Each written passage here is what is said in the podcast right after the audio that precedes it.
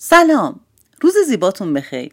امروز می‌خوام جواب چند تا سوال که بعد از به دنیا آمدن بچم یا اضافه شدن به پیجم از من پرسیدین رو به شما بزرگواران پاسخ بدم. سوال کرده بودین که چه کارهایی انجام می‌دید چطور به کاراتون می‌رسید چه کسایی کمکتون می‌کنن. میشه آدم بچه داشته باشه و درآمد داشته باشه و توی خونه باشه و به همه کاراش در کنار هم برسه. امروز می‌خوام جواب این چند تا سوال رو خدمت شما بزرگواران بدم. قبل از بچه دار شدنم هم به هم می‌گفتن که ببین بذار بچه دار بشی. می‌فهمی که ما میگیم چه شکلی به کارامون نمی‌رسیم و چه شکلی نمی‌تونیم خودمون رو به برنامه های روزانمون برسونیم. اون موقع حرف ما رو می‌فهمیم. این موضوع منو خیلی میترسوند. و نشستم حسابی قبل از به دنیا آمدن بچم تفکر نوشتاری کردم که از کی باید دوباره کارم رو شروع کنم چه کارهایی قراره بکنم چه کارهایی باید حذف کنم. اگه نرسیدم به کارم چه کارهایی می‌تونم بکنم؟ اگه حالم بد بود ناراحت بودم بعد چه کار بکنم؟ و خیلی سوالهای دیگه که تو ذهنم بود نشستم و به صورت نوشتاری بهشون جواب دادم. الان سه ماه از به دنیا اومدن بچم میگذره و صبر کردم که ببینم واقعا چیزهایی که فکر می‌کردم آیا عملی میشه و بعد بیام راجع به تجربهم با شما صحبت بکنم اونو به اشتراک بذارم. برنامه زندگی من از چند بخش تشکیل شده. اول چیزایی که خال خودم رو خوب می‌کنه و کارهایی که برای خودمه. مثل پیاده روی کردن که ورزشمه مثل نقاشی کردن که هنر منه. مثل رسیدگی کردن به کارهای شخصی خودم. بخش دوم تشکیل شده از کارهای خونم که کار آشپزی، نظافت خونه، گردگیری، مهمونداری کارهایی که توی خونه باید به صورت روتین انجام بشه. بخش سوم زندگی من شامل همسرم و بچه ها هستن. کارهای سماجان بازی با سارا مطالعه کردن برای سارا کارهای حفظ قرآن سارا تفریح هایی که برای بچه ها در نظر می‌گیرم البته بیشتر برای سارا اونها هستش. بخش چهارم کار من هست. من یک معلمم من یک مشاورم. و باید برای کارم روزانه توی خونه زمان بذارم. که تقریبا روزانه چهار ساعت از زمان من رو می‌گیره. شامل رسیدگی به کارهای دانشجوها مطالعه روزانه که باید حتما داشته باشم. آماده کردن مطالب پاورهای کلاسم. کارهای پیجم که حالا شما دارید اون رو می‌بینید و زمان می‌بره برای انجام این کارها. کارهایی که باید به مدیر داخلیم واگذار بکنم و ارجاعشون بدم. کارهایی که باید به کسایی که باشون کار می‌کنم ارجاع بدم.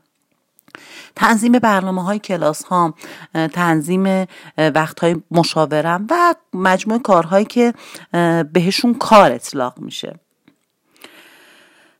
سوال دیگه که پرسیده بودین حالا توی همه این کارها چه کسایی به من کمک می‌کنن من کارگر دارم دائما خونه مادرم هستم سوال های شما هستش. نه من کارگر ندارم. منزل مادرم هم در حد مهمانی میرم. همسرم توی کارها به من کمک می‌کنه. اون هم توی یه سری فقط کارها. از جمله مثلا وقتی که بچه ها رو کلاس دارم نگهداری می‌کنن یا اگر کلاس حضوری میرم مراقب سماجان هستن. ولی توی کارهای خونه بگید کمکم ظرف میشوره جار برقی می‌کشه کارهای اینطوری انجام نمیدن ایشون. ولی کارهای خونه که مربوطه به یک مرد هستش مثلا عوض کردن لامپ کارهای اینطوری خرید این اینها به عهده ایشون هستش. ما سری از کارهامون رو با همدیگه انجام میدیم. مثلا پیاده روی که در حال حاضر ورزش مشترکمون شده رو با همدیگه به صورت خانوادگی میریم. یا اینکه وقتی که من میرم همسرم کمک می‌کنن و بچه ها رو نگه میدارن.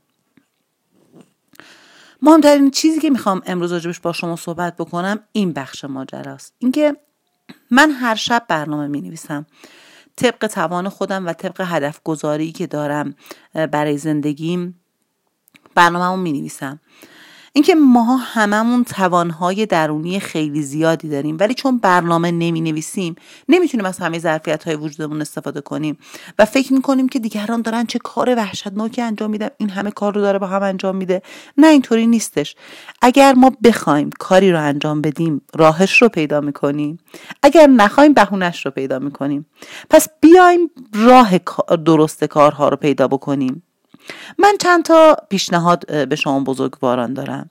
اول اینکه بیاین تشخیص بدید که علایقتون چیا هستش وظایفتون چیا هستش و برای رسیدن به هدفهای زندگیتون باید چه کارهایی انجام بدید چه وظایفی رو به صورت روزانه و به صورت منظم انجام بدید. بعد بیاید این وظایفتون رو و علایقتون رو به وظیفه تبدیل بکنید و وظایفتون رو به برنامه تبدیل بکنید و برنامهتون رو به صورت روزانه بنویسید و به اون پایبند باشید. مطمئن باشید همه اتفاقهایی که توی ذهن شما هستش می‌تونه توی زندگیتون حضور داشته باشه و می‌تونه موجب حال خوب شما بشه. اگر برنامه داشته باشید به همه کارهاتون قطعا خواهید رسید.